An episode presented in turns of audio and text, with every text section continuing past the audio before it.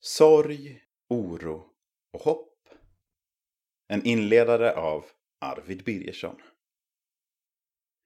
För en månad sedan släppte de sista coronarestriktionerna.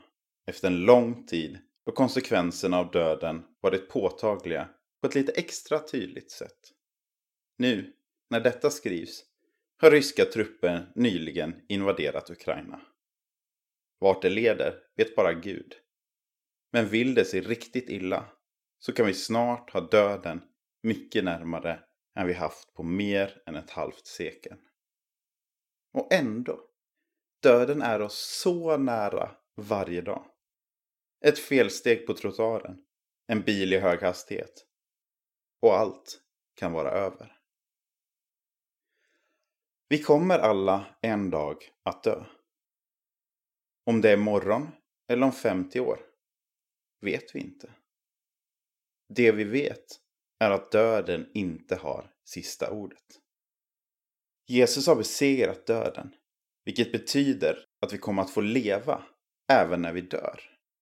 Karl-Erik Salberg, en präst och missionär som dog i höstas, uttryckte det så här.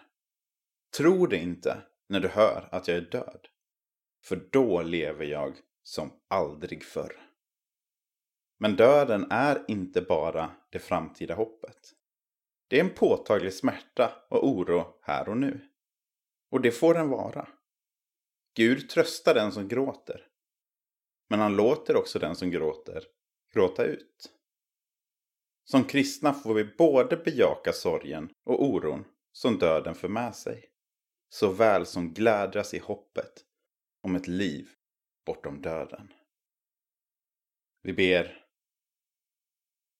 Gud för att du är Herre över både liv och död. Hjälp oss att både bejaka sorgen och oron över döden och samtidigt glädjas över hoppet vi har i dig. Amen.